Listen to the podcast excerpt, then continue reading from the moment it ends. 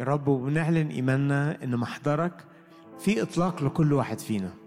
أي حد جاي وعليه تقل وعليه خوف باسم الرب يسوع رب يحررك رب يشفي. أي حد واقع رب يقيمه النهاردة باسم الرب يسوع. محضرك يا رب يحمل لينا أخبار سارة. تعالى يا رب قوة في وسطينا. تعالى بقوة على الجماعة دي باسم يسوع. صلي معايا. قول له يا رب لمسة منك بتفك كل قيد لمسة منك بتشفي من المرض فتعالى المس كل واحد فينا. كلمة منك يا رب تخرج الأرواح الشريرة. كلمة منك لها سلطان على الموج وعلى الريح. أؤمر أي موج أي ريح. أؤمر أي خبر سلبي. أؤمر دلوقتي يا رب أي يا رب نشاط شيطاني على أي واحد فينا. وقول يا رب سلام. وقول لا يقوم ولا يكون باسم الرب يسوع. قول يرجع إلى الوراء فيرجعون إلى الوراء. تعالى النهارده يا رب يرجع العدو اللي وراه تعالى النهارده هد اللي بناه إبليس في حياة أي حد. تعالى النهارده يا رب ادي يا رب حاجة جديدة قوة جديدة حرارة جديدة باسم يسوع. الميت يقوم في وسطينا باسم الرب يسوع. كان حد شاعر متلخبط. الرب يعرف يرتب حياتك يعرف يبنيك تاني باسم الرب يسوع. كنا شاعرين أي حد في وسطينا عنده خوار في دايرة معينة أو ضعف في دايرة معينة يعطي المعيا قوة قوة جديدة يا رب. تقدر ترفع إيدك معايا قول له رب قوة جديدة على الجماعة كلها قوة جديدة يا رب في وسطينا قوة جديدة لحياة كل واحد باسم الرب يسوع. وكنت شاعر كمان إنك أنت غصن جاف. يا رب ادي يا رب انتعاش للغصن الجاف ده يا رب. روحك يعدي في القنوات اللي كانت لها وقت كبير ناشفة. روحك يعدي يا رب روحك يعدي يا رب. كنت كنت بتشوف الرب زمان ولكن النهارده مش قادر تشوفه. الرب يتراءى ليك من جديد. يتراءى يتراءى. كنتش بتفرح. الرب يعيد الأفراح لحياتك باسم يسوع. يرد المسلوب. الرب إلهي باسم الرب يسوع. ينهي كل زمن. كان فيه خسارة. كان زمن زمن ذل زمن خسارة وزمن ضعف وعرج بين الفرقتين. ادي يا رب النهارده زمن جديد في حياة كل واحد فينا. زمن فيه إطلاق زمن فيه مجد. زمن فيه يا رب فرحة كبيرة في حياة كل واحد فينا. هللويا قول هللويا. هللويا لأنه سامع صلاتي. هللويا لأنه معايا. هللويا لأنه عنده خطة لحياتي. هللويا لأنه بيحبني. هللويا لأنه بيباركني باسم الرب يسوع. وكنت شاعر إن إبليس كان عمال يقيدك وأقوى منك. في آية بتقول وإله السلام سيسحق الشيطان تحت أرجلكم سريعا. يسحق إبليس اللي واقف قدامك يسحق المشتكي اللي واقف عليك يسحق من أمامك ويجري في سبع طرق باسم الرب يسوع باسم الرب يسوع. نرفع ايدينا مرة تانية ونعلن إنه كل نشاط من إبليس واقف ضدنا يرجع. كل تهديد جاي على حياتنا يرجع. كل كلمة سلبية قالها علينا العدو لا تقوم ولا تكون باسم الرب يسوع. كل يا رب أي حد في بيته عليه ضربة من العدو ترفع الآن باسم يسوع. أي حد شاعر إنه جاي عليه حرب أكبر منه باسم الرب يسوع. يتشتت العدو. إحنا مجتمعين عشان نعلن حضور الرب وإحنا مجتمعين عشان نعلن سلطان الرب وإحنا مجتمعين عشان اسم الرب يسوع يتعظم. إحنا مجتمعين عشان مجد الرب وعشان في حاجة جديدة وملكوت الرب يمتد. باسم الرب يسوع باسم الرب يسوع. يلا يا رب شتت أعداء كل واحد. يلا يا رب انهي أي إحساس بالمذلة وأي إحساس يا رب إن العدو حبسني في دي باسم يسوع مش هيقدر علينا. اللي معانا أكتر جدا من اللي علينا باسم الرب يسوع. خلونا ندي إيد للرب ونعظمه. إدي إيد للرب وعظمه. إدي إيد للرب وعظمه. إدي إيد للرب وعظمه. يتذل العدو يتكسر قدامك قدامي باسم الرب يسوع باسم يسوع. هللويا هللويا هللويا. يا رب ما تسمحش إن حد يجي الاجتماع ويرجع زي ما هو. ما تسمحش إن حد يجي الاجتماع ويرجع فاضي. ما تسمحش إن حد يبقى موجود قدامك ومحني. ما تسمحش إن حد يبقى موجود قدامك ولسه أخبار العدو هي اللي مالية دماغه. لكن محضرك يفك يطلق كل واحد فينا باسم يسوع. تعالى يا رب تعالى مر على كل واحد كلم كل واحد حاصر كل واحد. ما عندكش مانع يا رب إنك تملى وتعوض. ما عندكش مانع يا رب إنك تشجع. مفيش مانع ليك يا رب إنك تشفي. يشفيك يسوع المسيح. يشفيك يسوع المسيح. أنا مصدق إنك حاضر وأنا بعلن إيماني برفع الإيد. ارفع إيدك معايا. إن حضورك هيعمل فرق في حياتي وحياة إخواتي. أنا مصدق يا رب إن إحنا مش هنرجع زي ما جينا. إحنا جايين نتمتع بيك يا رب ونتلمس بيك يا رب. بفي قوة في حياتنا وحرارة حقيقية في وسطينا. هللويا هللويا. بهذا نمتاز إنك حاضر في وسطينا بهذا نمتاز إنك حي في وسط الجماعة باسم الرب يسوع. مين يوم إن الرب يسوع حي؟ هللويا. هو حي في وسطينا هو عايز يعمل أموره العجيبة لأنه مكتوب يسوع المسيح هو هو أمس واليوم وإلى الأبد. يمكن أي حد بيصلي معانا مش متوقع إن الرب يتكلمه لكن الرب هيتكلم. وأي حد مش متوقع إن في حاجة جديدة لكن لا هيكون ليك حاجة جديدة. لأن الرب حي. لأن الرب حي. مش متوقع إن يتلمس. هيلمسك. لأن الرب حي. ويمكن في ناس قافلة على روحها باب ومحبوسة وزعلانة ومحبطة. رب يدخل وحتى لو الباب مقفول. لأنه إلهي حي وإلهي رائع باسم يسوع. يكون اجتماعنا النهارده لمجد الرب. يكون اجتماعنا النهارده في أمور يعملها الرب. يكون اجتماعنا النهارده في حاجة تفرح قلب كل واحد فينا. يشوف الرب ويلمس الرب باسم الرب يسوع باسم الرب يسوع. الحمل اللي على كتف أي حد فينا الرب جاي يزحزحه يدحرجه يطلقك من هذا الحمل والنير يتفك. باسم الرب. يسوع بشكرك لأنك حاضر وبشكرك لأنك تكلم كل واحد فينا. رسالة ليا ولاخواتي يا رب. أنا مش هرجع زي ما جيت باسم يسوع. آمين. آمين. مساء الخير. أبونا دانيال مش معانا النهارده عنده خدمة. نصلي إن الرب يباركه في كل مكان هو فيه وهيكون معانا إن شاء الله الأسبوع الجاي باسم يسوع. نفسي إن كل واحد جاي محبط زعلان خايف متلخبط. أنا جاي قدام الرب علشان مشبع.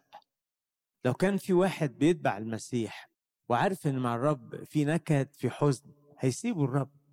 لكن بيتبعوه لأنه منعش لأنه أخباره أخبار سارة. بيتكلم كلام حلو على حياتي. فالرب حاضر في الوسط. مش عبادة ميتة. إحنا بنرفض إحنا عبادتنا لكن عبادة فيها إيمان إيمان بحضور الرب اللي بيعمل فرق في حياتي وحياتك باسم يسوع. ممكن معلش قول للي جنبك الرب حاضر. شوف حد كده قول له الرب حاضر. أو بلغة تانية قول له مالك؟ مالك الرب حاضر. مالك يعني مالك الرب حاضر. مالكم الرب حاضر. هللويا. يا رب بشكرك لأن حضورك هو اللي بيديني قوة وبينعشني وبيباركني. هت هنتكلم شوية عن حكاية في سفر التكوين حكاية خدت حوالي 17 سنة تقريبا يعني 17 18 سنة ويمكن أكتر. فنحكيها عن عيلة إبراهيم. عيلة إبراهيم هو كانوا إبراهيم وسارة هم اللي وصلوا أرض كنعان. وفي وسط أرض كنعان ناس كتيرة بتبص عليهم. أنتوا دول جايين يعملوا إيه؟ ساكنين في خيم. وبيسافروا من بلد لبلد وإبراهيم بيتبع الرب يهوى إلهه وبيبني مذابح أو بيقدم عبادة وإخلاص. شخص رائع بيحب الرب. بس كان غني. كان غني وعنده جواري وعبيد وعنده حاجات كتير. وفي نفس الوقت هم الناس بصة بتقول هو مين هيورث الأموال دي كلها؟ مين هياخد الخير ده كله بعديك يا إبراهيم؟ فإبراهيم مش عارف يجاوب وده كان عامل له هزة وضيق شوية. فلما جه والرب يكلمه في أصحاح 15 لما الرب بيقول له يا إبراهيم أنا ترس ليك أنا نصيبك وأنا ترسك فالرب كان بيشجعه. يرد إبراهيم آه، أيها السيد الرب ماذا تعطيني؟ إيه اللي ممكن يفرحني ويسندني؟ وأنا ماضي عقيما ومالك بيتي هو العازر الدمشقي. فكان احتياج ملح احتياج ملح. ما نقدرش ننكر احتياج إبراهيم. إنه مين الوارث مين النسل؟ فالرب بيوعده ويقول له لا هتجيب نسل ونسلك هيملى الأرض هيبقى كبير جدا وهترثوا كنعان ويصدق إبراهيم ويفرح. بس يرجع يقابل سارة سارة يعني زي أي واحدة أو أم عايزة تبقى عندها نسل أو مستعجلة. فالعيلة دي كان عندها المشكلة دي إن في دعوة أنت جاي هنا برؤية وبدعوة وجاي هنا عشان تملك الأرض ويبقى عندك نسل كتير يملك الأرض دي. بس هما شافوش ده بسرعة.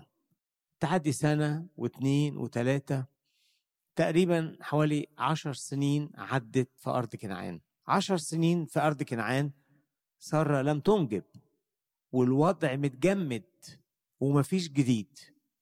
أنا عايز أقول بس قبل ما أكمل في القصة هل في حد هنا شاعر إنه في أمور متجمدة في حياته ومفيش جديد؟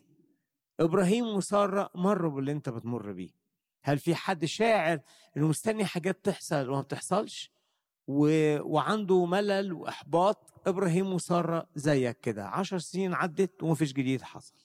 بعدين أصحاح 16 قدم ليا موقف إنسان محبط إنسان مستني الرب بس الرب ما جابش بسرعة. سارة راحت مسكت ابرام ويقول فقالت آه، صح 16 سراي لابرام هوذا الرب قد أمسكني عن الولاد. أنا ما ان ربنا بتاعك ده أو يعني لحظة إحباط. ادخل إلى جاريتي لعلي أرزق منها بنين. وكان ليها جارية اللي هي هاجر المصرية. في الوقت ده كان قانون البلاد قانون عرف موجود في المنطقة إنه لو سيد أو سيدة لم تنجب فمن حقها إنها آه، من خلال جارية الجارية دي تتزوج السيد فالابن اللي يجي ده يحسب لسارة وسارة تربيه ويبقى هو ده الوارث. فسارة قالت خلاص خلينا نحلها يا إبراهيم خلينا نحلها. هتحليها إزاي؟ قالت له بص خد جاريتي دي ادخل عليها جوزها. وقالت الكلمة دي تقول لعلي أرزق منها بنين. الولد اللي يجي ده أنا هاخده وهيجي ده هيورث ويعوضنا ويحل المشكلة. طبعا أنتوا عارفين القصة إنه سارة ما سألتش الرب وابرام أو إبراهيم ما سألش الرب. والعيلة دي كانت في حالة ضعف روحي في اليوم ده. بس أنا عايز أقول لكل واحد هنا إحنا عايزين نحقق مشيئة الله. انت جاي سايب اهلك وعشيرتك وبلدك ودنيتك وجاي تسكن في كنعان عشان تحل الموضوع يا إبرام زي الناس التانية. انت مسافر انت ضحيت انت جاي في رؤية انت في حياتك خطة يا إبرام. في أشخاص عليهم حرب شديدة إنهم يتنازلوا عن دعوة الله في حياتهم. في أشخاص مهمين جدا وعارفين إن في حياتهم خطة وعارفين ربنا عايز يستخدمهم بس تحت إلحاح. تحت ضغوط وضغوط المنطق والعقل بيقدموا تنازلات. فدي أول نقطة في القصة أول نقطة خالص. قول له يا رب احميني من إن أنا أقدم تنازلات. تقدر ترفع إيدك معايا؟ احميني إن أنا أمشي بمخي وأعالج المشاكل اللي في حياتي. احميني إن أختار براك وأتحرك من غير ما أسألك. ما سألوش الرب. يا رب احمي كل واحد هنا باسم يسوع. وعايز أقول لك حاجة كمان.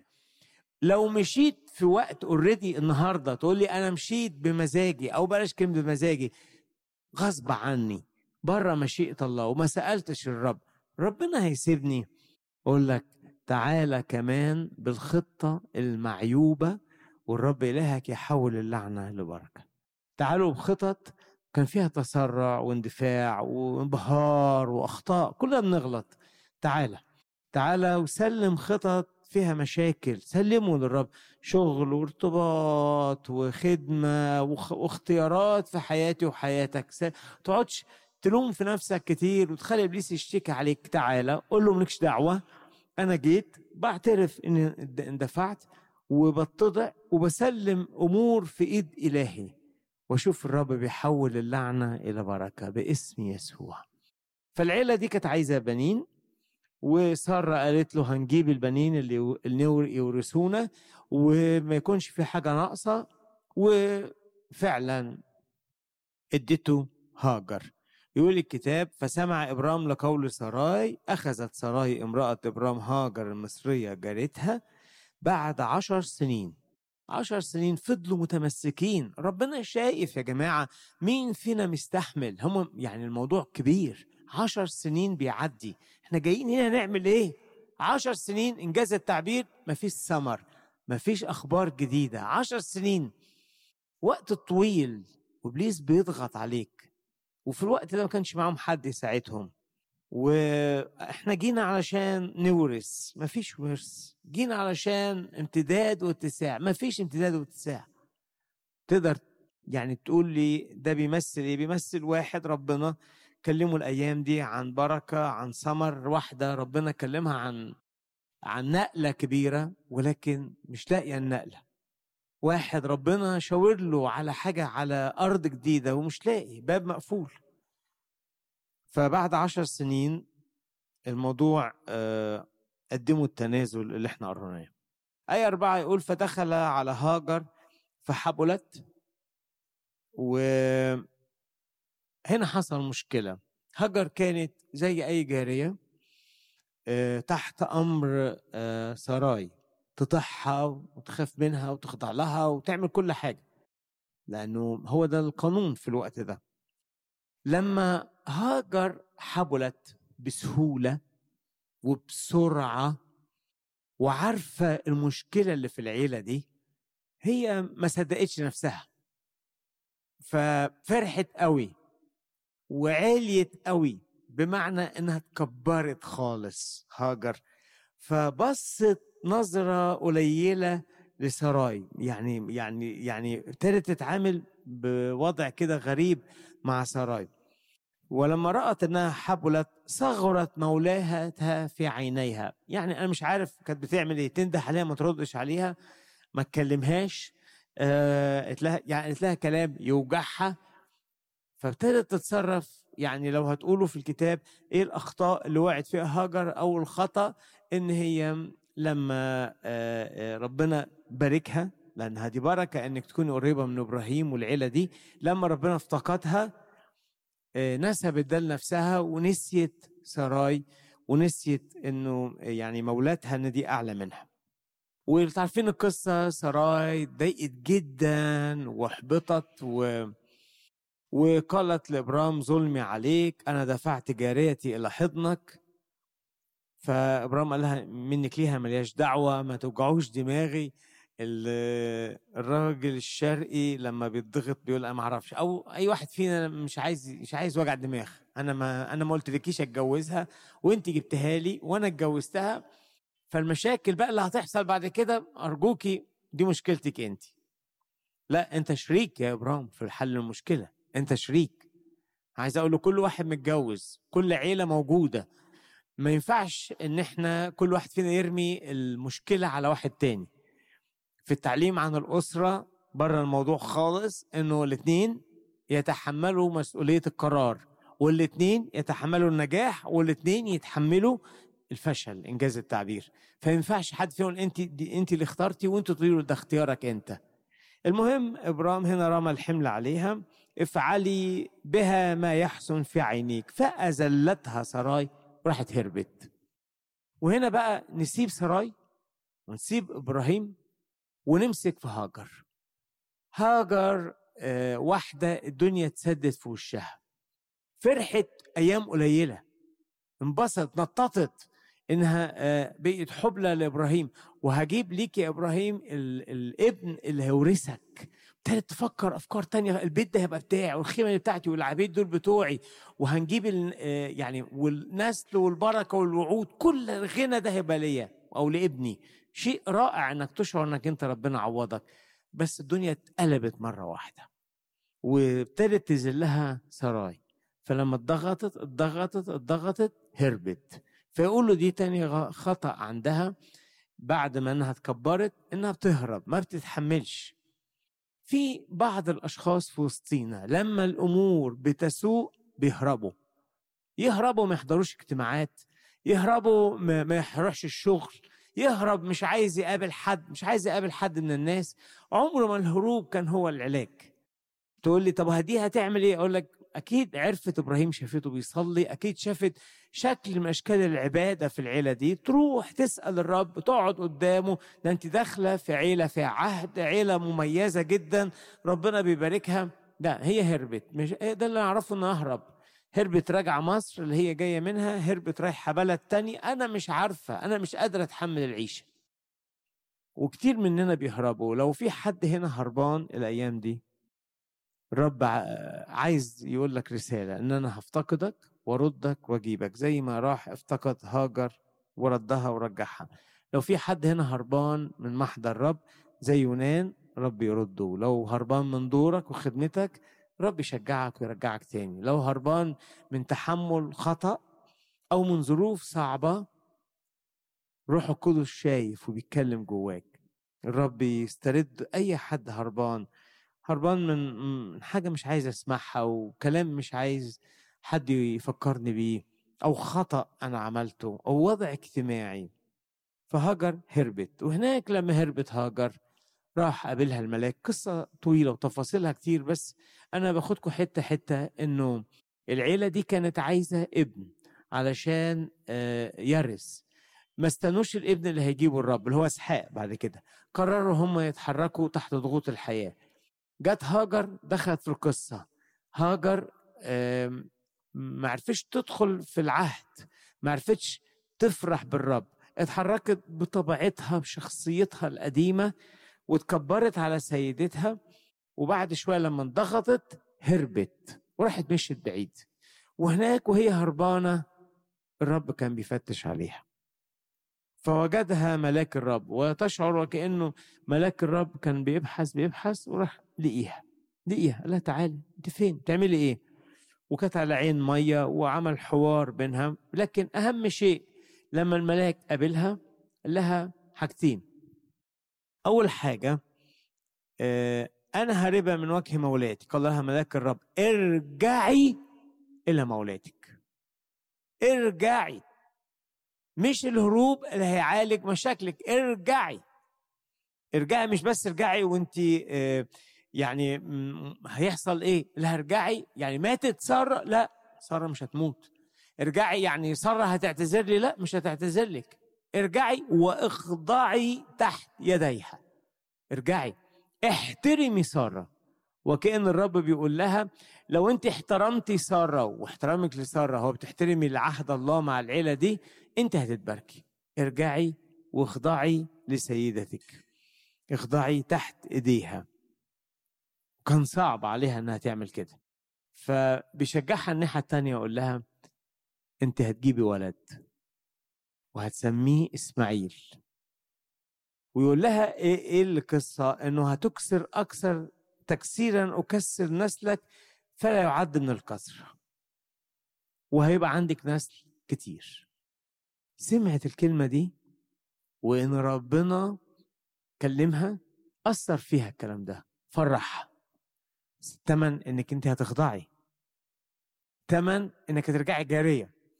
أنت رفضت إنك تكوني جارية وحبيتي تبقي سيدة بدري عن وقتك. مش هينفع. هترجعي وتكوني جارية. بس أنت هتجيبي ابن وهتسميه إسماعيل وهيكتر قوي يبقى ليه يعني بنين كتير. تختاري إيه؟ قالت أرجع. وفعلا رجعت وخضعت لسيدتها. وجابت الابن اللي هم سموه إسماعيل. أنا بس عايز أقول حاجة قبل ما اتنقل إحنا بنتكلم عن هاجر النهارده على فكرة هنكمل عن هاجر.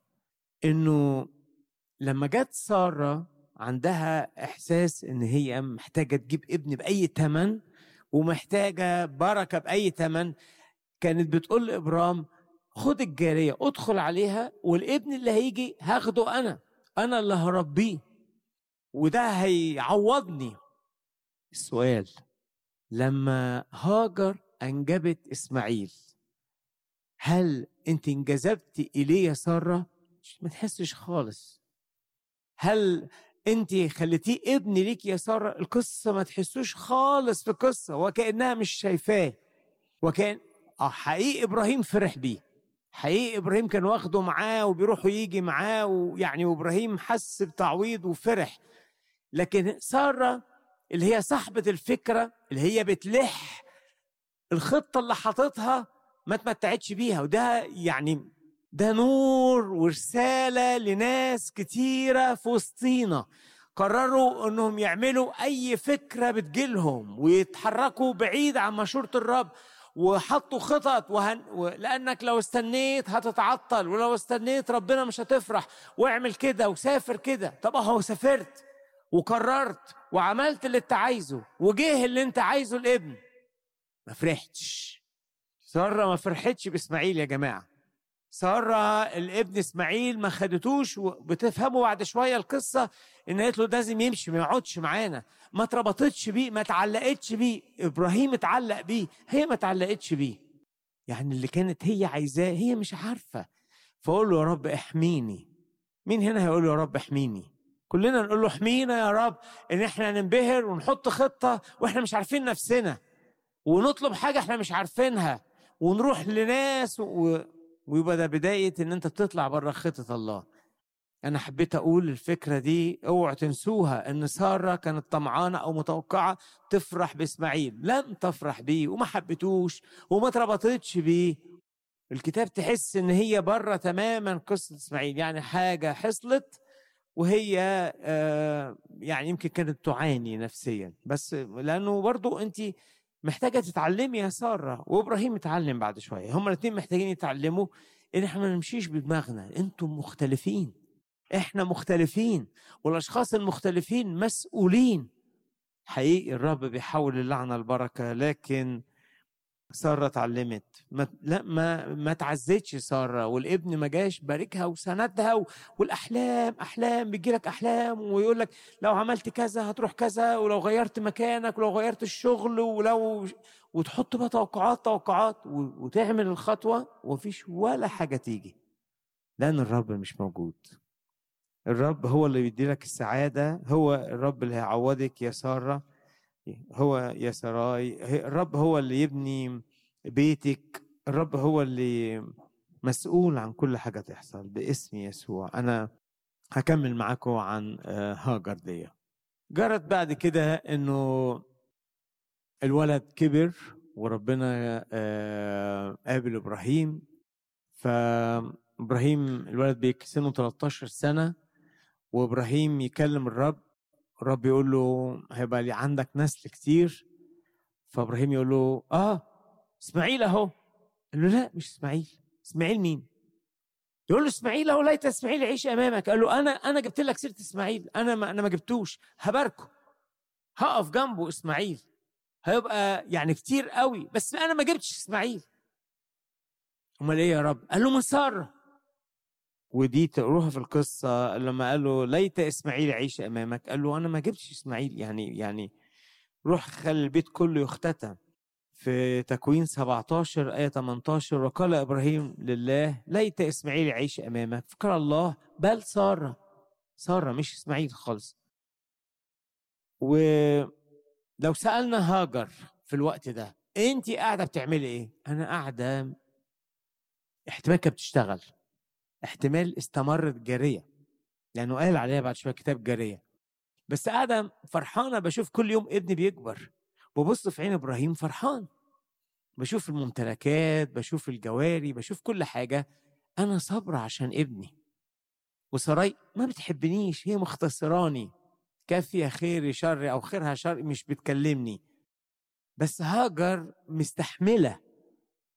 خضعت لسيدتها ولو في ذل ولو في أي حاجة محرومة منها عشان الولد ده.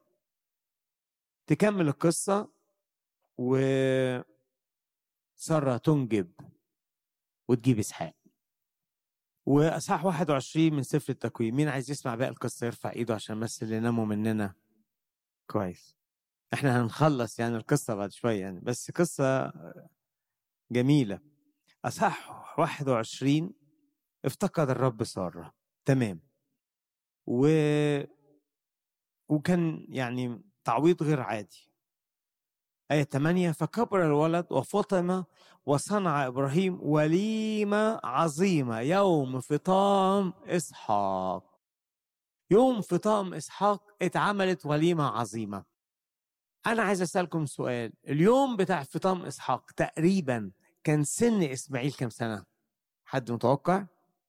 حوالي 17 سنة. حوالي 17 سنة. لأن إسحاق جه وأبوه 100 سنة وإسماعيل اتولد وأبوه 86 سنة يبقى كان سنه 14 سنة وبتفطم عند سن سنتين أو ثلاثة فحوالي 17 سنة الاحتفال.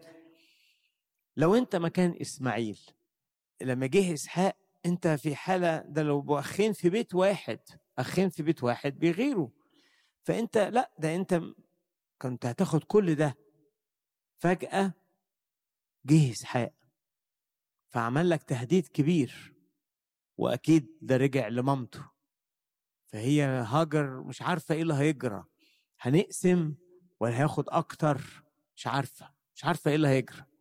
حصل حفلة الاحتفال وفي وسط الحفلة كان سنه سنتين أو ثلاثة إسحاق إسماعيل ما قدرش يحوش نفسه فاستهزأ بالولد ده.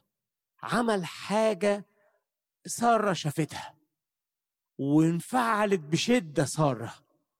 انت إزاي بتستخف بابني؟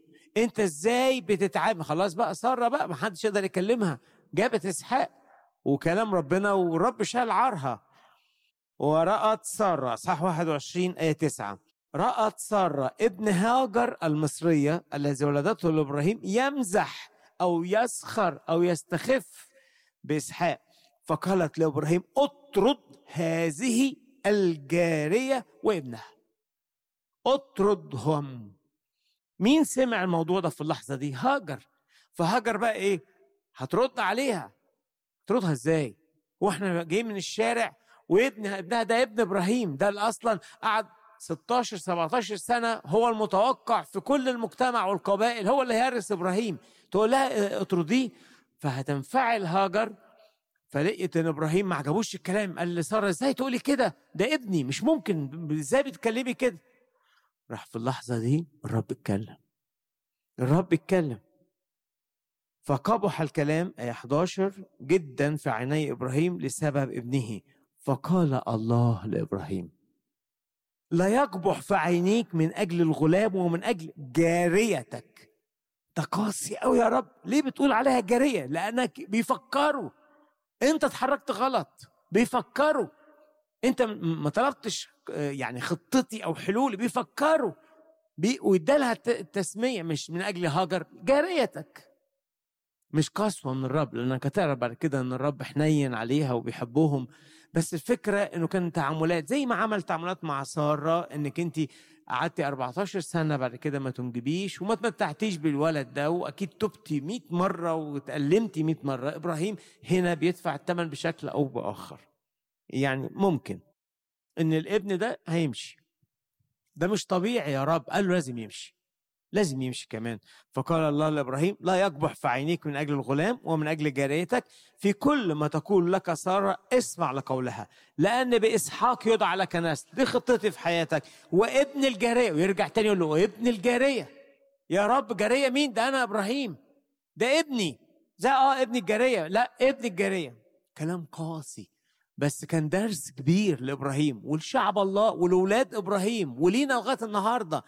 إن الأمور لا تسقط بالتقادم. صحيح إن المسيح دفع الثمن لكن الدرس لازم تتعلمه لازم تقول لي أنا صليت والموضوع المفروض بقى ربنا يعدي ويحول اللعنه البركة. صحيح هيعمل كده لكن تتعلم الدرس وتكبر المسؤولية ويكبر الدرس.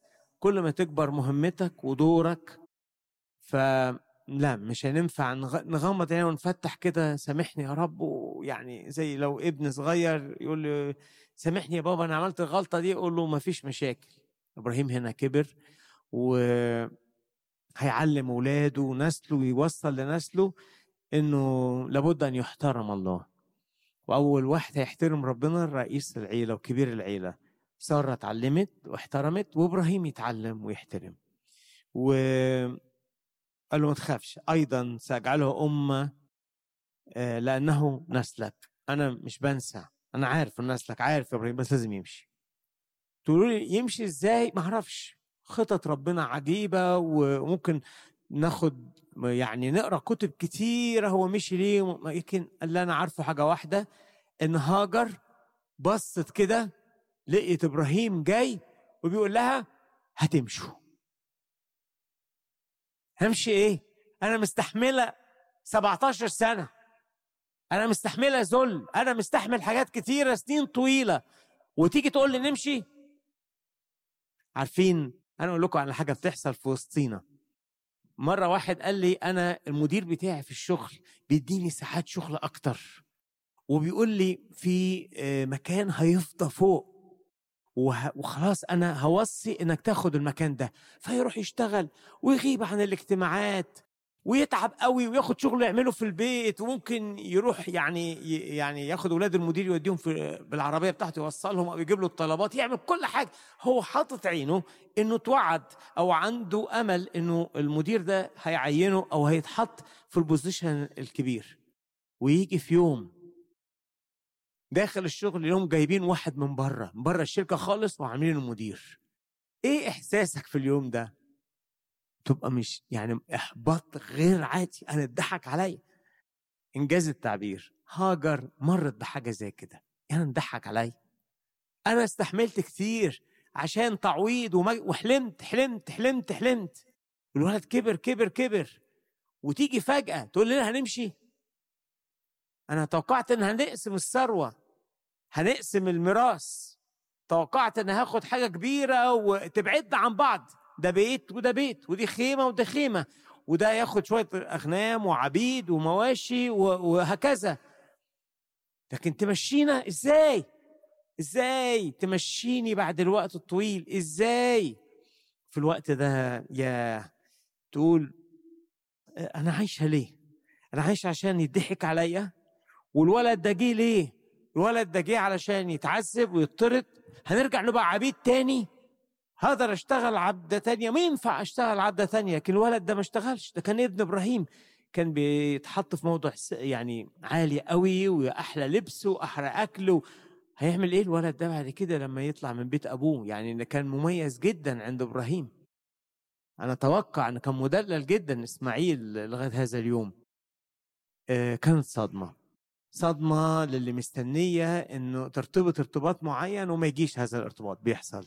صدمة إنك عمال تقدم على مثلا شغل ومتوقع شغل جامد هيجي وحد يوعدك قوي صدمة تتكرر كثيرا. وطبعا جت الصدمة من أكتر آه، حد قريب منها إبراهيم. تبعنا كده يا إبراهيم بسهولة. إحنا قد كده رخاص عندك. يقول لا إبراهيم الرب قال لي ولازم أحترم تقول له رب مين؟ أنا شايفه إن أنا الرب بتاعك ده بيظلمني. رب مين اللي ترمي ابنك وترمي ده أنا تعبت عشان حاسة بمرارة بلخبطة بظلم بإحباط. تصحى الصبح يقول الكتاب فبكر إبراهيم صباح طيب سيبنا شهر سيبنا سنة صبح. أقول إيه طيب للجيران؟ أقول إيه لأهل المنطقة؟ أقول إيه وأنا خارجة من من القرية أو المدينة أنت عايش فيها؟ أقول إيه لما قابلنا حد من العبيد؟ رايحين فين؟ يقول لك فبكر إبراهيم صباحا. هنا إبراهيم خلاص ما يقدرش يتكلم لأن الرب قال له وأدرك إبراهيم إن هو أخطأ في يوم من الأيام خطأ كبير وكان في طاعة. وإبراهيم عمل بعد شوية طاعة كبيرة لما قدم إسحاق. فهنا إبراهيم كان مظبط روحيا وخاضع وعنده إيمان وربنا قال لي أنا هجعله أمة. خلاص أنا مش خايف. وأنا ملك الرب واولادي ملك للرب وكان عايش غريب في خيم. أنا ما عنديش حاجة. كله ملك الرب منك وبيك ولك. فابراهيم حد مكرس حياته لربنا حقيقي. وجاب خبز وقربة مية وأعطوهما لهاجر. حطهم كده على كتافها. والولد. فهي مسكت الولد كده وخرجت. به الولد أكيد 17 سنة أطول منها يعني. أكيد أطول منها الولد ده 17 سنة يعني طول عنها وكبر عنها. بس عايز أقول لكم حاجة. الولد ده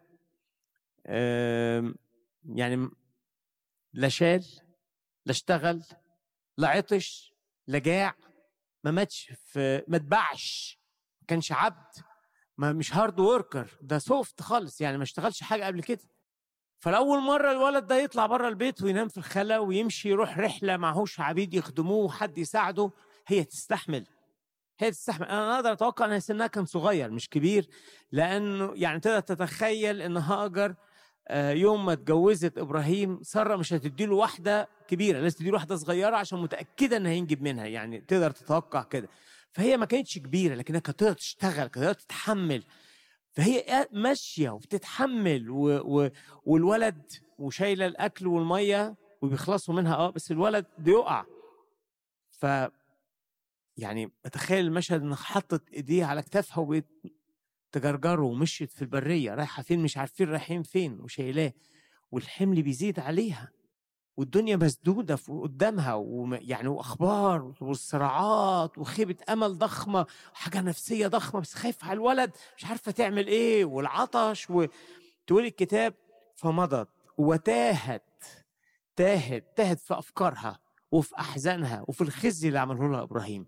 تاهت في إنها شكت في كل فين بقى الكلام اللي أنت قلته بقى؟ يا رب تاهت واتلخبطت تماما. وسنين حياتي راحت وكده سينما فيلم سينمائي قدامها. ما أنا كنت هربانة وما كنتش هجيب. ما أنا كنت هعيش واحدة. ليه أحلم الحلم ده؟ وليه أقعد مع العيلة دي؟ وأسئلة أسئلة أسئلة أسئلة أسئلة كتيرة جدا. لغاية المية خلصت وراحت الولد مش قادر أشيله عمال يعيط مش قادر أشيله بيقول لي يا ماما أنا جعان يا ماما أنا عطشان وهو عمره ما ما, يعني ما تحملش فبسهولة تقدر تتوقع إن الولد ينهار بسرعة رميته في حتة وهي راحت بعيد عنه بشوية كده عشان إيه؟ مش عايزه اشوفه هو بيموت وتبكي وتنهار هي كمان. نسيب القصة دي. تقول لي أنت جايب لنا الحكاية دي أنت جايب لنا اكتئاب. مين هنا اكتئاب؟ آه لا أنا مش جايب لك اكتئاب. أنا عايز أقول لك إن القصة دي لما جه وصفها بولس الرسول في رسالة أهل غلطيا قال لنا حاجة تريحنا خالص ودي الرسالة. يعني أنا مش هاجر في حد ذاتها اللي إحنا بنعمل بحث ودراسة عليها لكن اللي مرت بيه هاجر ممكن كلنا نكون مرينا بيه. اللي مرت بيه هاجر ممكن أنت بتمر بيه وعندك خيبة أمل وعندك إحباط كنت مستني حاجة كبيرة ربنا يديها لك وفجأة ما خدتش. ومش قادر تمشي ومش قادر تشيل نفسك ولدرجة أغلى حاجة عندك رميتها. رمت الولد. هي أنا كنت مستحمله السنين دي كلها عشانه ان هو هيورث ون ون ون ومفيش حاجة. رميته. رميته. مش قادر مش قادر أشيله تاني وما تقيل عليا وما ما عنديش حل. ما عنديش حل. هل في حد موجود هنا ما عندوش حل يا جماعة؟ هل في حد موجود هنا وعنده مرارة من ربنا ومن الناس وأقرب الناس اتخلوا عنه؟ هل في حد عنده إحباط في حلم كبير؟ هل في حد كان يعني كان مستني حاجة تحصل وما حصلتش؟ أو في حد كان وعده بترقية أو بجواز أو بسفر أو بعلاوة أو بميراث؟ ممكن يبقى اخوات في البيت واحد بتلاقيهم يبدوا أخوك عنك ويبدوا أختك عنك. ممكن اتنين في يعني في عيلة واحدة يشعروا هي ليه سارة مميزة وأنا مش مميزة. وممكن انت حتى في علاقتك مع ربنا تشعر ان ربنا بيساعد فلان قوي قوي وانت ربنا مش بيديلك اللي بيديه للاخر فالصراعات دي كلها ممكن نكون كلنا بنمر بيها. فغلطي صح أربعة ذكر بولس في رسالته بيقول وعايز يجيب دليل يقول إن في فرق بين الناموس والنعمة. واعتقد إن قصة هاجر بتقول الفرق ده. قولوا لي آية 21 أنتم الذين تريدون أن تكونوا تحت الناموس. ناموس يعني وصايا وقوانين واللي يعملها يشعر براحة كده ويشعر أن هو آه، مداين ربنا ولازم ربنا يقف جنبه. ألستم تسمعون الناموس فإنه مكتوب أنه كان لإبراهيم ابنان واحد من الجارية وآخر من الحرة. إبراهيم كان عنده اثنين آه إسماعيل وإسحاق. لكن الذي من الجارية ولد حسب الجسد. أما الذي من الحرة فبالموعد. قال لنا أنتوا عارفين؟ هاجر قصتها كلها بتقول إن ده تدبير بشري. تعب مجهود. ونظير هذا المجهود عايزه بركة عايزه تعويض. لا ما بينفعش. أما إسحاق بيقول لكل كل قصة حياتي أنا جيت بالنعمة بوعد. مش بالناموس أنا جيت بنعمة جيت بوعد. وكل ذلك رمز لأن هاتين هما العهدان. أحدهما من جبل سيناء الوالد للعبودية الذي هو هاجر. وبعدين هكمل نفس الإصحاح ده بيقول آية 30 لكن ماذا يقول الكتاب؟ اطرد الجارية وابنها لأنه لا يرث ابن الجارية مع ابن الحرة. إذا أيها الإخوة لسنا أولاد جارية بل أولاد الحرة. إن ربنا خلى بولس بالروح القدس يجيب القصة ويحطها على المؤمنين. وكنيسة غلاطيا تعالوا بقى هنا كلكم. أنتم عايزين تتبعوا الناموس وعايزين تعملوا حاجات تستحقوا بيها ان ربنا يبارككم. عايزين تنجحوا لانكم تعبتم اخلصتم. أنتوا هتبقوا كأنكم زي إسماعيل وهاجر. ولا عايزين تصدقوا النعمة ان ربنا بيحبك مجانا وهيباركك مجانا وهينجحك مجانا بالنعمة. لو انت هتاخد بالنعمة من ايد ربنا يبقى انت زي إسحاق و... و... وسارة وهتورث بالبركة. ولأن هاجر وإسماعيل اللي بيرمزوا للناموس انطردوا هكذا كل واحد ماشي مع الرب بالناموس أو بالتعب أو ب... بأنه بيحفظ تدين بيحفظ وصايا هيجيله لحظة ويقع زي ما وقعت هاجر ووقع إسماعيل. لكن لأنك هتمسلك بالإيمان أو بالنعمة وهتاخد من الرب والرب هو اللي يبقى المسؤول وقوة الرب اللي هتشتغل في حياتك فمش هتقع لأن النعمة بتضمن إنها تقومك وتخليك تكمل عايز تقول إيه؟ عايز أقول لك إن كل واحد كان هياخد اللي هو مستحق بيه وتعب بيه ممكن تتعرض لتجربة هاجر وكل واحد خد بالنعمة لأنه محبوب ولأنه غالي عند الرب.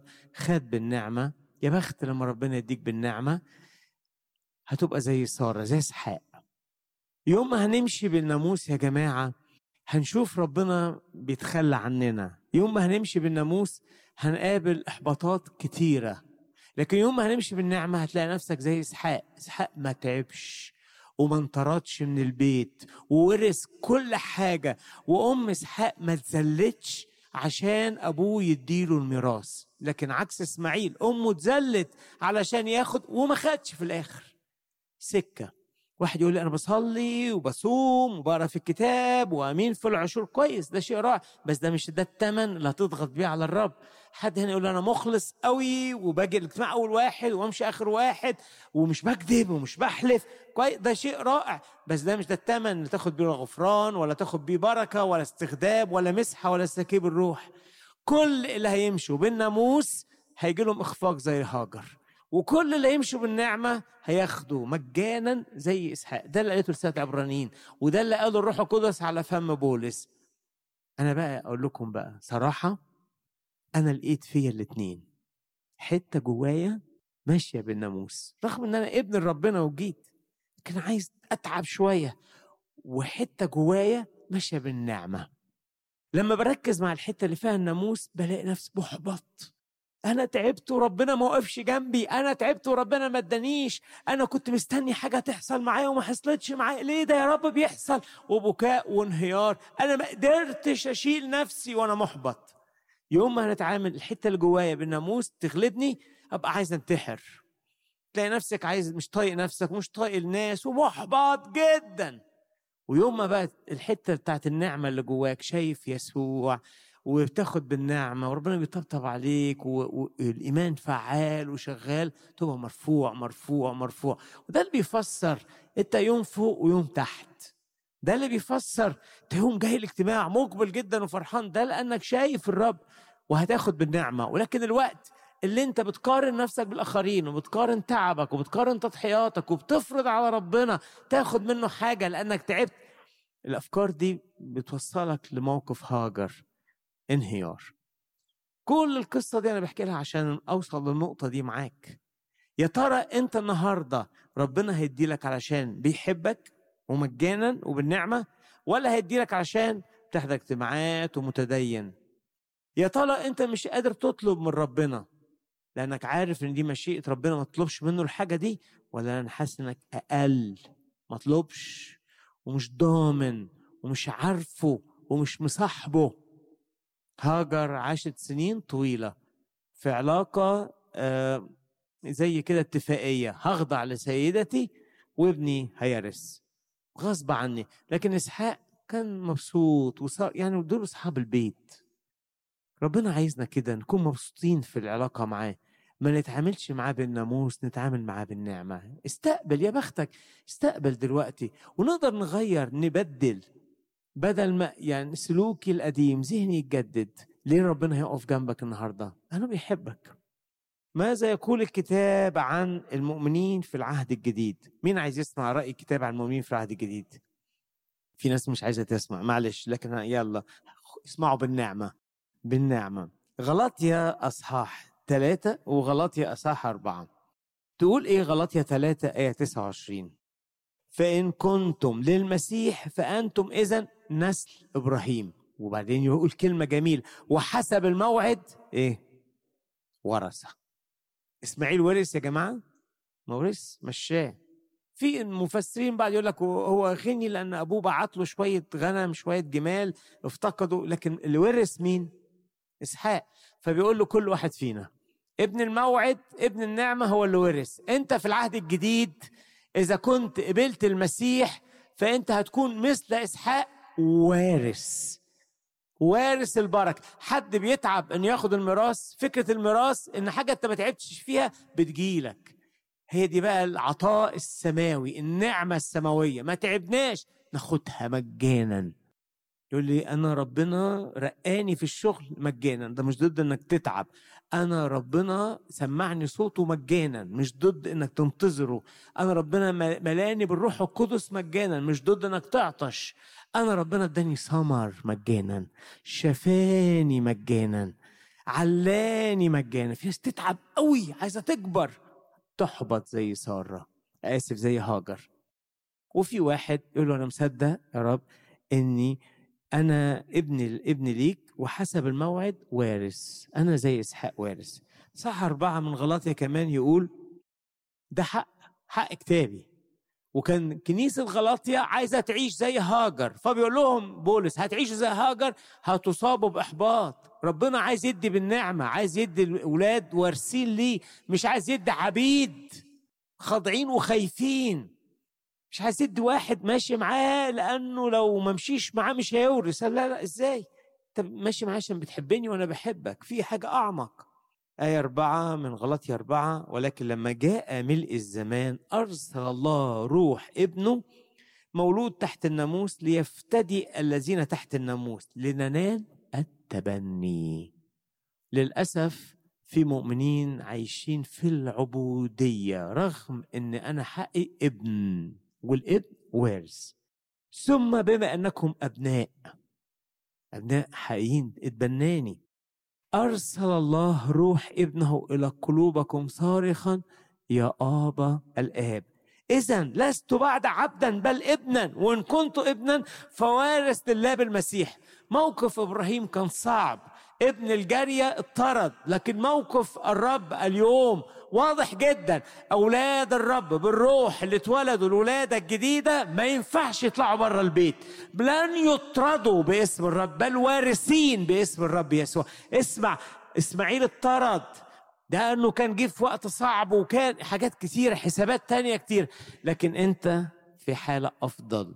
مش هتطرد مش هتغيب. ما ينفعش يقول لك امشي. وما ينفعش يخبي أو يمنع ميراثه. كل اللي عندك يا إبراهيم اديته لإسحاق فكل اللي عند الأب السماوي في المسيح ناخده. كنا أولاد فإحنا ورثة. إذا لست بعد عبدا بل ابنا. والابن وارث. مين هنا يصدق إنه ابن للرب؟ طب قول للي جنبك أنا ابن للرب. شوف حد قول له أنا ابن للرب. مكسوفين مش متأكدين ولا كده. أنت بنت للرب؟ طب قولي لي أنا بنت للرب وشوف هنا حد جنبك لو أنت قاعد في البيت قول لحد جنبك أنا ابن للرب. يعني إيه ابن؟ يعني وارث وارث بتعب لا ده بالنعمة مش بالناموس مش بالأعمال مش بالوصايا مش بالتعب. وارث بالحب وارث بفيض بغنى. كل اللي عند إبراهيم لازم يروح أوتوماتيك ما ينفعش ما يروحش لاسحاق إسحاق. غير آه، إسماعيل خالص في القصة دي ابن الجارية. أنت ابن الجارية ولا ابن الحرة؟ الكتاب بيقول إحنا أولاد الحرة. كمان آية كمان من روميا صح 8 أكدت المعنى ده. لأن نفس في غلطيا جه في روميا كمان آية 17 فإن كنا أولاد فإننا ورثة أيضا ورثة الله. يعني أنا مش لازم أبذل مجهود أقول له ربنا حبني الابن وارث إنه يتحب. أنا مش عايز أبذل مجهود أقول له ربنا من فضلك اقف جنبي اديني من ميراث الابن لا يقول له ووارثون مع المسيح. أنت وارث كل حاجة كل اللي عند الآب هتاخده ما تخافش. أنا مش لازم أتعب وأبقى مخلص. صحيح أنت هتبقى مخلص بس مخلص للي ليك مش لخ... مش مخلص لحاجة مش بتاعتك. مخلص في الأرض بتاعتي في الميراث بتاعي مش مخلص عشان أسترضي الرب. قصة كبيرة الناموس والأعمال عالجتهم رسالة غلطية وعالجتهم رسالة روميا بس القصة دي هي قصتي وقصتك. إن كل مرة نروح لربنا كعبيد احتمال كبير بنحبط. كل مرة عايشين كعبيد احتمال كبير بنخسر. كل مرة كعبيد بتبص على الآخرين اتخلوا عنك الآخرين. وتبص على سنين عمرك اتسرقت وراحت. لكن ابن مش مضطرب مش خايف. الميراث جاي جاي. مش هستنى واصبر عشان أترقى. ده أنا الشركة كلها بتاعتي ده أنا البوزيشن ده ربنا آه، يعني هيشيلهولي لغاية عندي. الارتباط ده هيجيبهولك لغاية عندك. الخدمة البركة الشفاء استجابة الصلاة التعويض.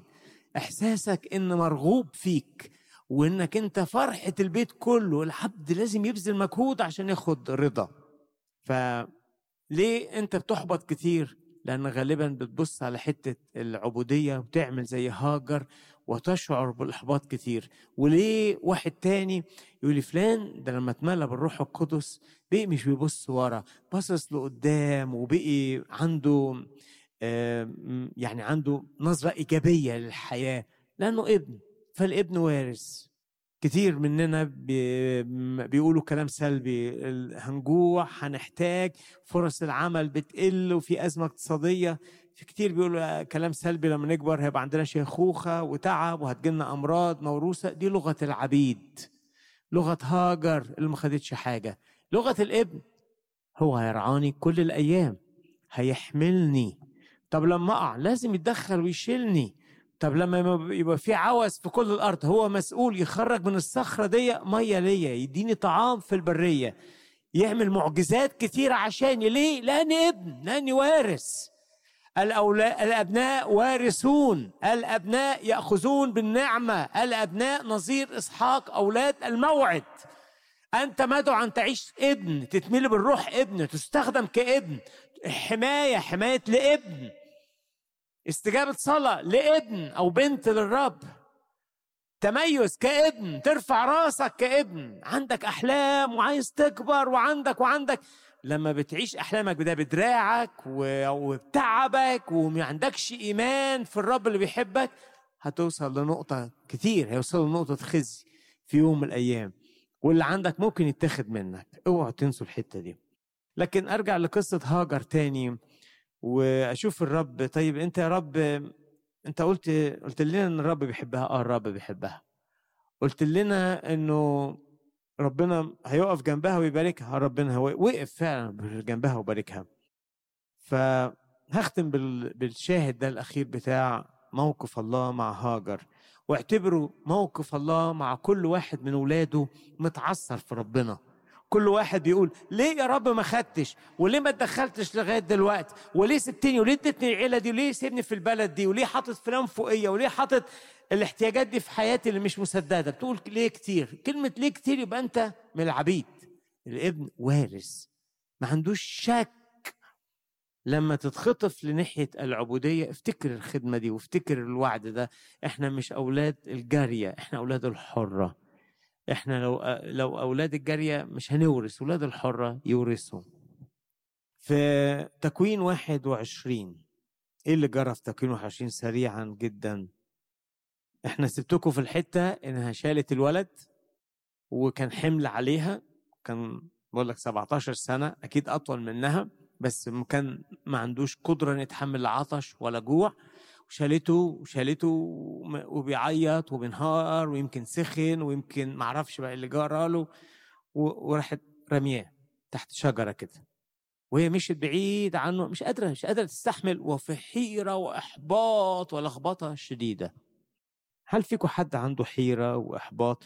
هل هل النهارده أوحش يوم في حياتك؟ هل الأيام دي آه، الناس تخلوا عنك؟ أحلامك اتحطمت؟ حتى ما انتش عارف ربنا بيحبك ولا مش بيحبك. خوف من كل ناحية ألم من كل ناحية الناس لوحدها. يا جماعة لوحدها لوحدها. لوحدها والولد وإحباط سنين ومرارة ولخبطة في ربنا. قالت لانظر موت إيه 16 ومضت وجلست مقابله بعيدا نحو رميه قوس. لأنها قالت لا أنظر موت الولد. ما موت الولد ده يعني خسارة. كل اللي تعبته عشانك راح. هم دول العبيد ده الناموس. كل الصوم اللي صمته والعطاء والإخلاص اللي أخلصته لك يا رب ما خدتش حاجة في الآخر. وده زي الابن الكبير والابن الصغير. الابن الكبير يقول لأبوه أنا تعبت معاك كل التعب. وابنك ده جالك مرة واحدة الوحش ده تقبله وتديله وتفرح بيه ده كله. هكذا اللي عايشين بالناموس المتدينين. اللي مفيش علاقة ابوه حب نعمة. افتح عينينا يا رب عشان نتعامل بالنعمة وادينا كلنا نستقبل بالنعمة. فجلست مقابله ورفعت صوتها وبكت هي كمان بتعيط. آية 17 فسمع الله صوت الغلام. يقول الكتاب ونادى ملاك الله هاجر من السماء وقال لها مالك يا هاجر؟ حس إن ده صوت الروح القدس وكلمة خاصة لبعض فينا. ناس بيبكوا منهارين خايفين فاضيين. ما هماش عارفين رايحين فين تايهين. أنت فين؟ مالك؟ في إيه؟ لا تخافي. تخافش لا ما تخافيش. أنا عشت طول عمري خايفة لا انطرد واتحملت. لا خلاص بقى كفاية بقى. اعرفيني كان نفسي لما تطردي تصلي وتقولي لي يا رب أعمل إيه؟ مش انت اللي وعدتني يا رب إن هتديني نسل وابني ده هيطلع منه ناس كتير. مش انت اللي وعدتني وقلت لي ارجعي. كنت تكلميني يا هاجر بس اللي ما عندهاش إيمان يشيلها اللي عندها أعمال تشيلها عندها إخلاص يشيلها عندها اتحملت داست على الإرادة تشيلها لكن لما فرغوا كل ده منها وقعت لكن لو عندها إيمان هتروح للرب. فأنا أقول له كل واحد هنا وفر على نفسك أيام الانهيار وتعالى للرب. تقول لي أنا أولادي تعبت فيهم مش بيحبوني. تعالى للرب. فراحت آه، ربنا قال لها لا تخافي لأن الله قد سمع لصوت الغلام حيث هو. جميلة جميلة. أنت رميتيه بعيد عشان ما تشوفوش؟ أنا شايفه.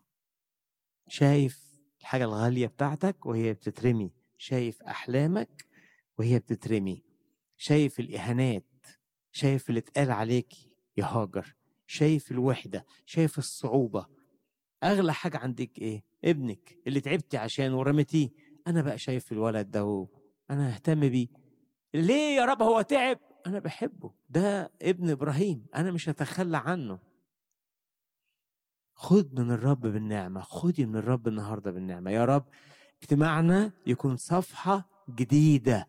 لخدام ليهم وقت طويل بس تربوا على الناموس والخوف. ما تربوش على النعمة. أو كانوا ماسكين في النعمة بس بصوا للعالم وابتدوا ينجروا ويتسحبوا للناموس. وأي حد يا رب عنده صراع نفسي وعنده يوم فوق يوم تحت قول له النهاردة تقدر تنتصر على الصراع ده. كيف؟ إنك تاخد بالنعمة اتكل على حبه هو مش حبك أنت. في في اللحظة دي اتكلتي على إيه؟ قوتك على إبراهيم. إبراهيم سابك. اتكلتي على إخلاصك. إخلاصك راح طردتي أما هتكل على إيه؟ إن ربنا اختارني عرفني باسمي حبني ماشي معايا مات يسوع عشاني دفع ثمن غالي فيا. ده اللي هتكل عليه. ما عنديش حاجة تانية. أي حد عنده حاجة تانية أرجوك سيبها. تعالى تعالى واتكل على حب الرب ليك. لا تخافي لأن الله قد سمع لصوت الغلام حيث هو. وقال لها حاجة جميلة. قومي. احملي الغلام وشدي يدك لأني سأجعله أمة عظيمة. راح أمرها وادها قوة. منين؟ من عندي. ليه أقوم؟ أنا بقول لك قومي. هي دي النعمة. أعمالك جبتك اترميتي إخلاصك رماكي.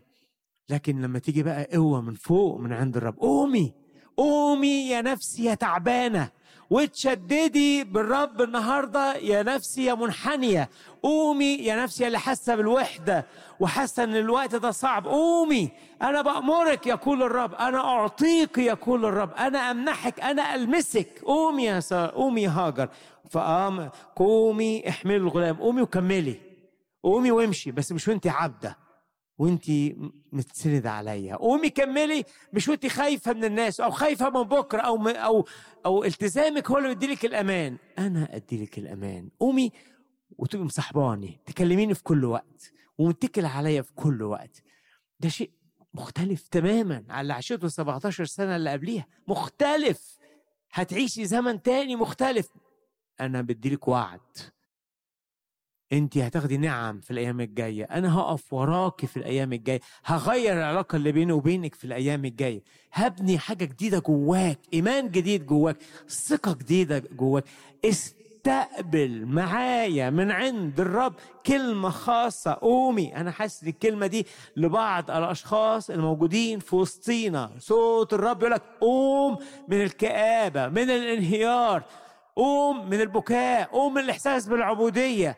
وتمتع إنك ابن هعطيك قدرة إنك تكمل قدرة إنك تعبر المرحلة دي تشيل الغلام. شد يدك شددي بالرب.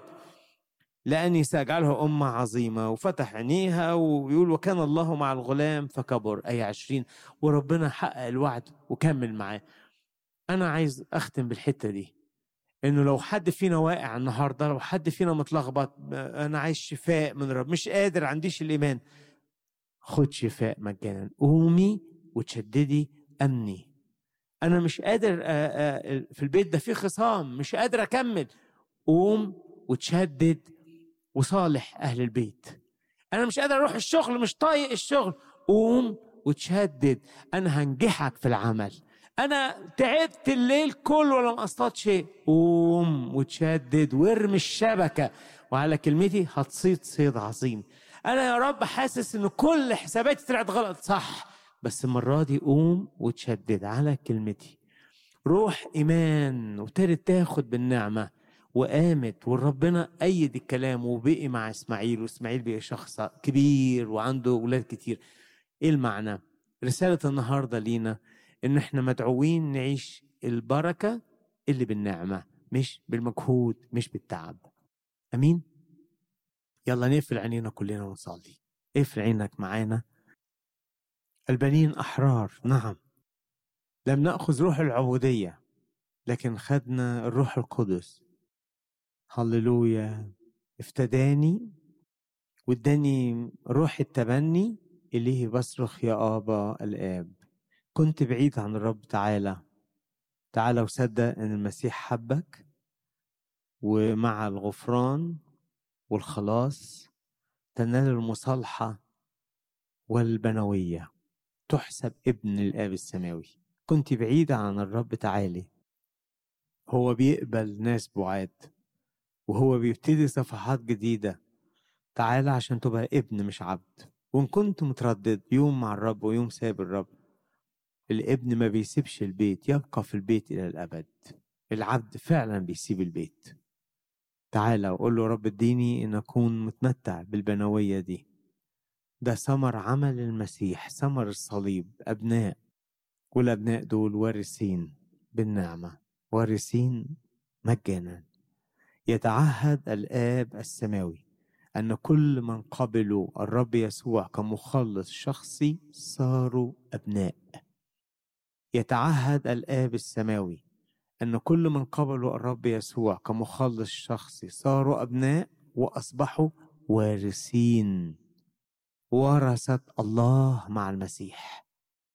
يتعهد الآب السماوي إن كل ولاده وارثين كلهم محبوبين كلهم يتمتعوا بالنعمة. يطرد ابن الجارية ولا يرث لكن ابن الحرة يمكث في البيت ويرث كل شيء. ابن الجارية يحبط ويترك لوحده لكن الابن الحرة يأخذ ولا يترك. ده أنا صاحب البيت. يا رب اعلن بالروح القدس جوه كل واحد البنوة. اعلن بالروح القدس جوه كل واحد كيف أنتصر على القيد لأني ابن والابن غالب. كيف أعدي المرحلة الصعبة في حياتي لأني ابن والابن ليه معونة خاصة من عند الرب ومن عند الآب كمان. إزاي الشيطان ما يغلبنيش ويتهزم قدامي لأني ابن وولاد الرب اداهم سلطان يدوسوا الحياة والعقارب. كيف يسمع صلاتي اليوم الرب؟ يسمع صوت الأبناء. الأبناء يقولوا الرب يا أبانا يا أبي السماوي. هللويا يا رب هللويا يا رب. كل واحد هنا محبط وقطع مشوار طويل وما خدش حاجة. النهارده بتدعوه إنه يتبارك بالنعمة ويتمتع يجي يتمتع ويكون اجتماعنا النهارده بداية فعلا أزمنة تمتع. أزمنة تمتع لأولاد حقيقيين مش عبيد باسم يسوع. خلونا نقف مع بعض قدام الرب. اقف معانا وإحنا بنصلي نكمل صلاة وعبادة وترنيم.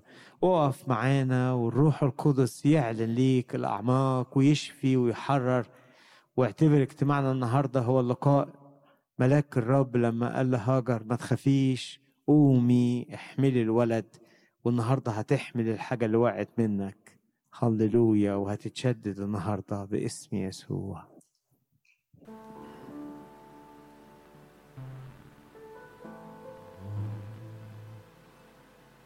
الرب حنان ورحيم.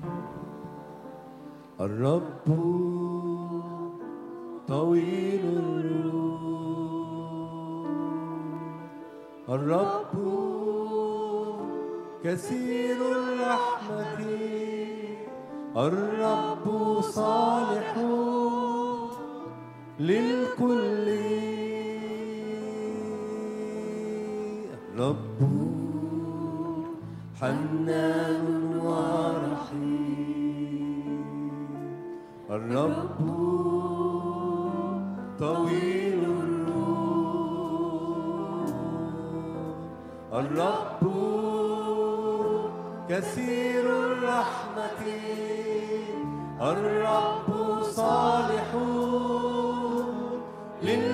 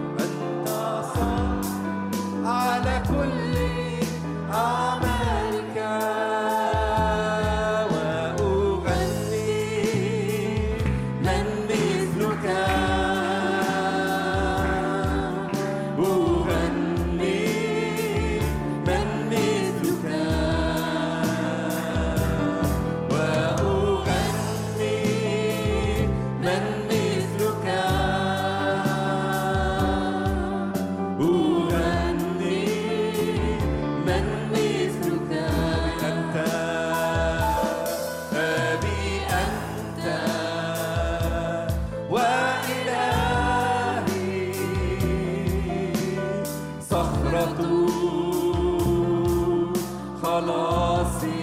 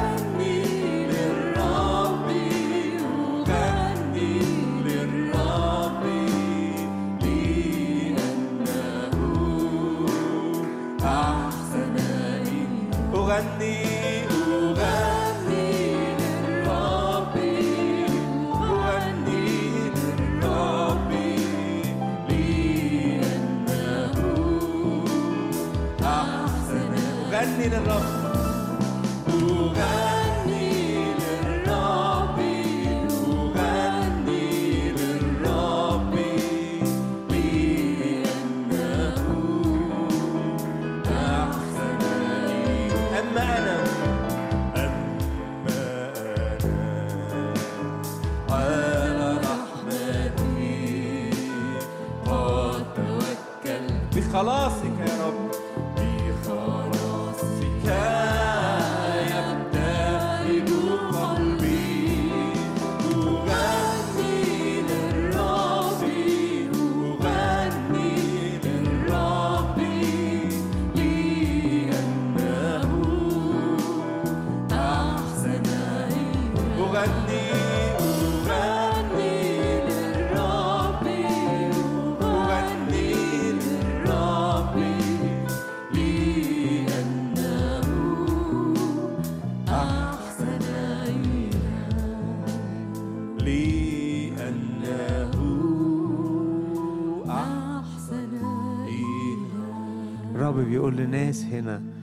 تعبكم. يمكن أجرة 17 سنة تعبت فيها هاجر بس بغلطة واحدة من إسماعيل اطردوا يا رب في ناس تعبت هنا لكن بتقول لها أنا هديكم بالنعمة. اختبر أمان جديد. لما الرب يقول لك قوم احمل الولد شدي ايديكي بيه وأنا كلمتي هي الضمان ليكي. قوم وتشدد بالرب النهارده وخد بالنعمة. مفيش بركة هتتمنع عنك. خبز البنين هيجيلك وميراث البنين هيجيلك البركات هي اللي هتتبعك هي اللي هتدور عليك. خد بالنعمة.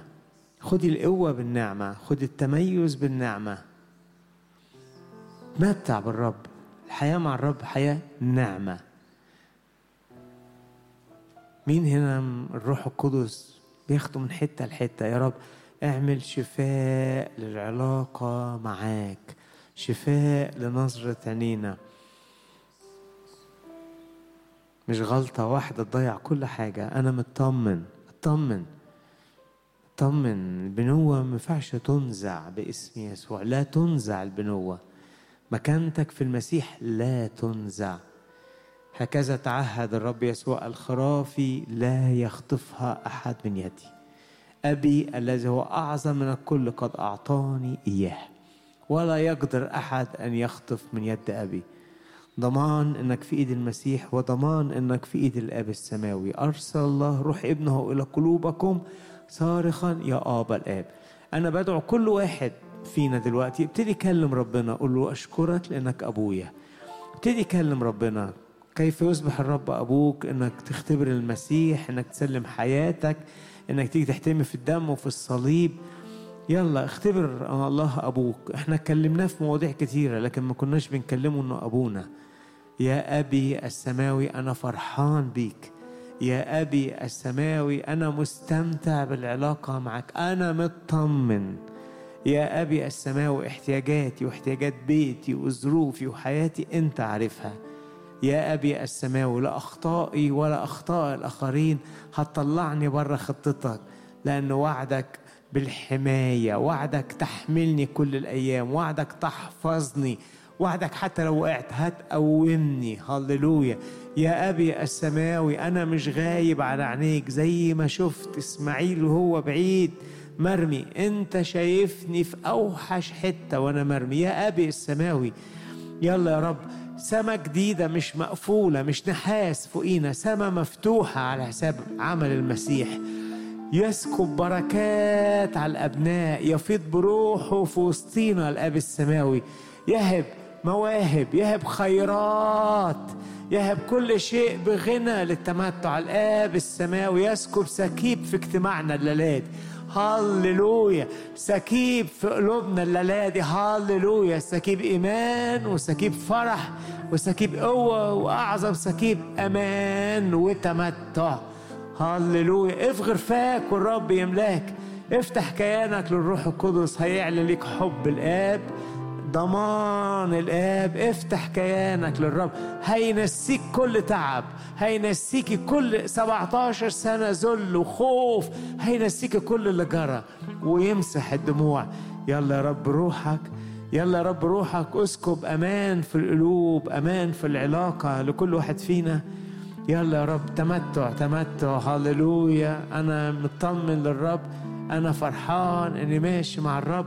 أنا وارث المسيح. هللويا. كل ما عند الآب ليا هللويا. أنا مش خايف. روح العبودية للخوف مش مكاني ومش بتاعي ومش نصيبي. أنا روح التبني. هللويا. قول يا أبي الآب. قولي. قولي يا أبي. الروح بيصرخ جواك. الله أب ليك. بيصرخ جواك. قول يا الله الآب. يا أبي يا أبي. يا أبي تغفر لي مجانا بتحبني مجانا بتباركني مجانا بتقف جنبي مجانا بتستخدمني مجانا تحول اللعنة البركة مجانا. يا أبي يا أبي هللويا. أنا مميز مجانا محبوب.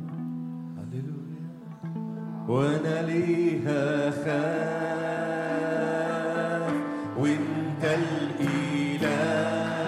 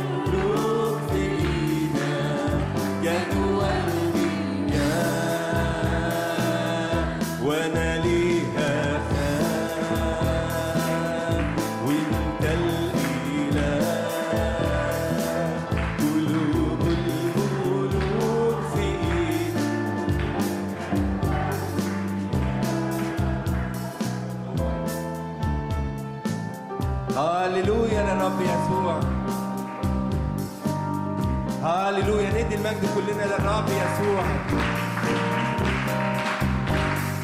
انت اللي فادتني في همومي وعزتني انت اللي فادتني في همومي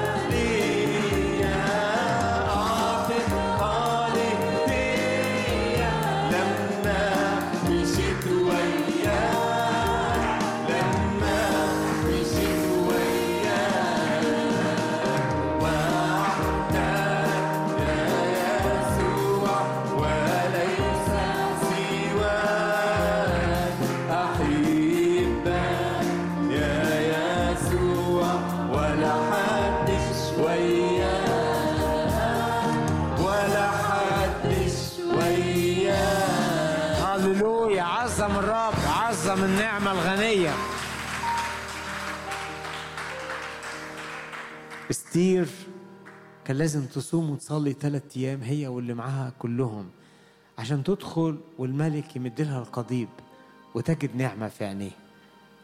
إحنا نتقدم بثقة إلى عرش النعمة. لكي ننال رحمة ونجد نعمة عونا في حينه. يعني في وقت الاحتياج. صلي معايا. اقفل عينك. يا رب إحنا جايين كأولاد وبنات ليك إلى عرش نعمة. يا رب مد يدك بالشفاء لأي مرض في وسطينا. تخرج منها قوة وتشفي ولادك تشفي الكنيسة. مد يدك بالشفاء. يا رب شفاء لأي جسد مريض في وسطينا. أنا هو الرب شفيك. لا يبخل الرب عن لمسة شفاء لأي صحة لأي تعب لأي ألم باسم يسوع. أنا هو الرب شفيك. مد يدك يا رب بشفاء لكل أسرة تعبانة في وسطينا. خلونا نرفع إيدينا. كأولاد وبنات للرب نستقبل من عند أبونا السماوي شفاء للعيلة شفاء للأسر اللي في وسطينا شفاء لأرض كل بيت للأولاد والآباء والأمهات. إن كان حد في وسطينا حاسس إن بيته عليه اضطراب شديد ارفع إيدك كده وقول يا أبي السماوي خبز البنين يجي ليا لأني ابنك يجي ليا يجي. بالنعمة. شفاء لكل بيت في وسطينا بالنعمة. شفاء شفاء شفاء شفاء للانقسام. شفاء للغربة اللي في البيوت. شفاء للإيذاء والآلام اللي في البيوت. شفاء للعلاقات الصعبة. كمان شفاء للأمور المادية. أيوة.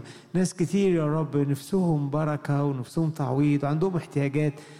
نرفع إيدينا. يا أبي السماوي تفيض بركة حتى لا يوسع. يفيض يفيض يفيض بركات يسدد احتياجات اولاده ويرفع راس شعبه واولاده ويحط حاجات جديدة في أرضنا بغنى بغنى بغنى بغنى. ناخد تسديد للديون بغنى ناخد تسديد للاحتياجات بغنى ناخد حلول للمشاكل الصعبة بغنى ناخد حسم المعارك بغنى. خد من عند الرب خدي كابن وبنت للرب خد خد من عند الرب أمور مادية خدها كمان بغنى لأنه أبويا السماوي عارف احتياجاتي.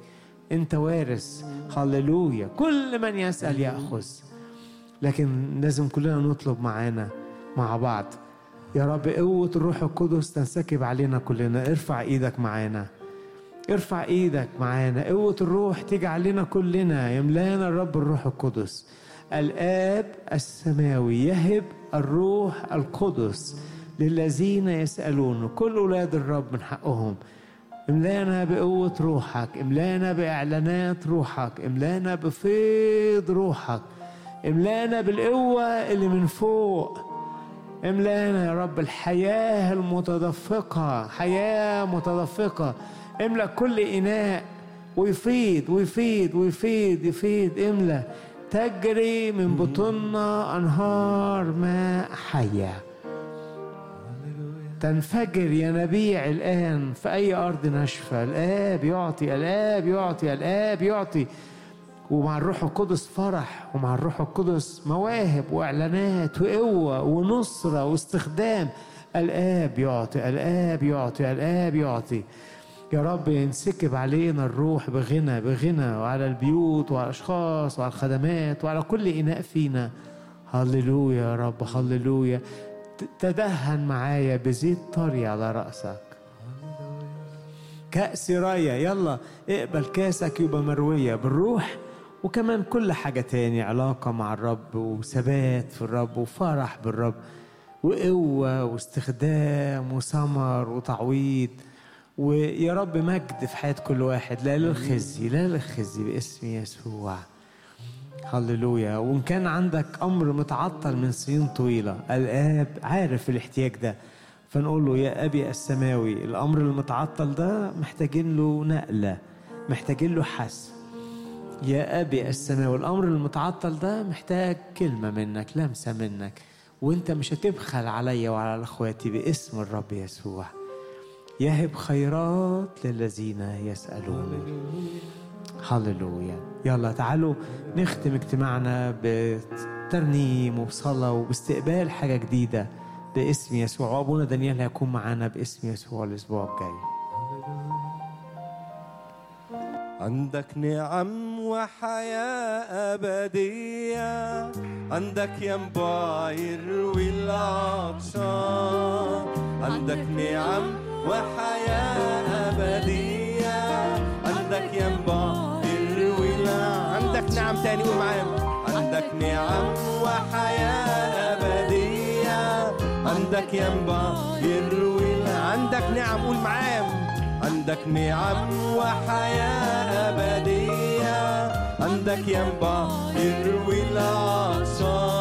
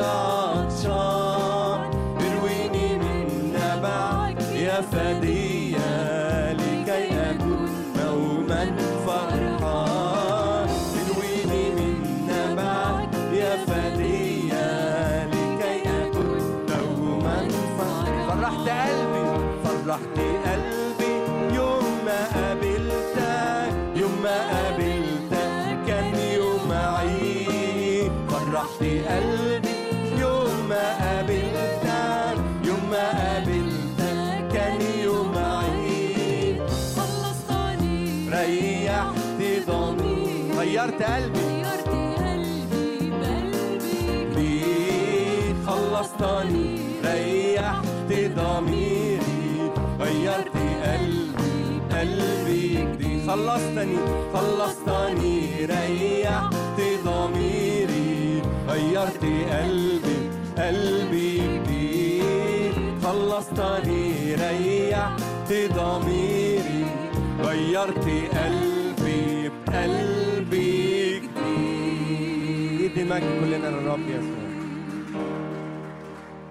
Amém.